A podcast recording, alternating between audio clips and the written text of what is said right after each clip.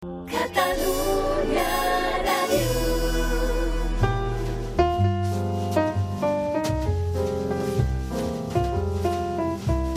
Hola, Gaspar. Un apunt sobre les converses pendents. Les unitats d'atenció permanent, és a dir, allò que no tenim resolt a la nostra vida i que d'alguna manera opera a nivell inconscient, preconscient o conscient, és a dir, allò que volíem acabar de fer i no vam acabar de fer sabent que ho havíem d'acabar de fer. Allò que volíem dir precisament en el context de les converses pendents, allò que volíem dir i que no vam dir per la circumstància que fos aquella iniciativa que volíem posar en marxa i que no vam posar en marxa perquè la vam anar postergant.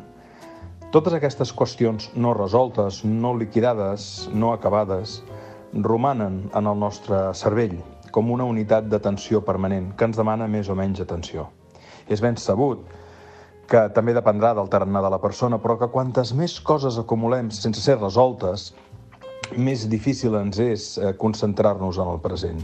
Tenir qüestions pendents genera una pèrdua, una dissipació d'atenció i, en conseqüència, d'energia que a la llarga acabem pagant.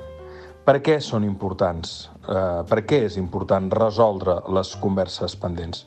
Doncs precisament per això, per eh, poder tornar al present, per poder tornar a guanyar eficàcia. A més, hi ha un element molt important, que és en la mesura que no resolvem una cosa i la deixem que vagi, que vagi passant en el temps, ens anem construint un relat subjectiu que ens allunya de la realitat.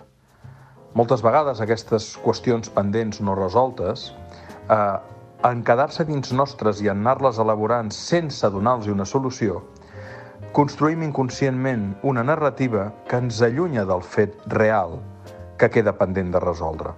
Per tant, quan més temps passa sense que el resolguem, més subjectivitat guanya la qüestió més ens allunyem del principi de realitat i probablement a l'hora de plantejar-nos resoldre'l, ja no només estem fora de temps, sinó que els arguments que podem fer servir o les solucions que podem proposar estan, per entendre'ns, caducades. Vet aquí el per què és tan important mirar de resoldre de la manera més immediata tota qüestió pendent. No deixar-ho per demà, perquè el demà també tindrà un demà que farà que es cronifiqui la resolució de la qüestió. És per això que és important, si no estàs bé amb algú, dir-ho. Si demanes alguna si creus que has de demanar alguna demanar-ho. Si t'has de disculpar, disculpar-te. El més aviat possible dintre de la pròpia maduració del fet en si, perquè de vegades ben bé un no sap on és i necessita temps per aclarir-se. Però un cop la qüestió és clara, el millor és no postergar-ho. Una gran abraçada a tothom. Una gran abraçada, Gaspar.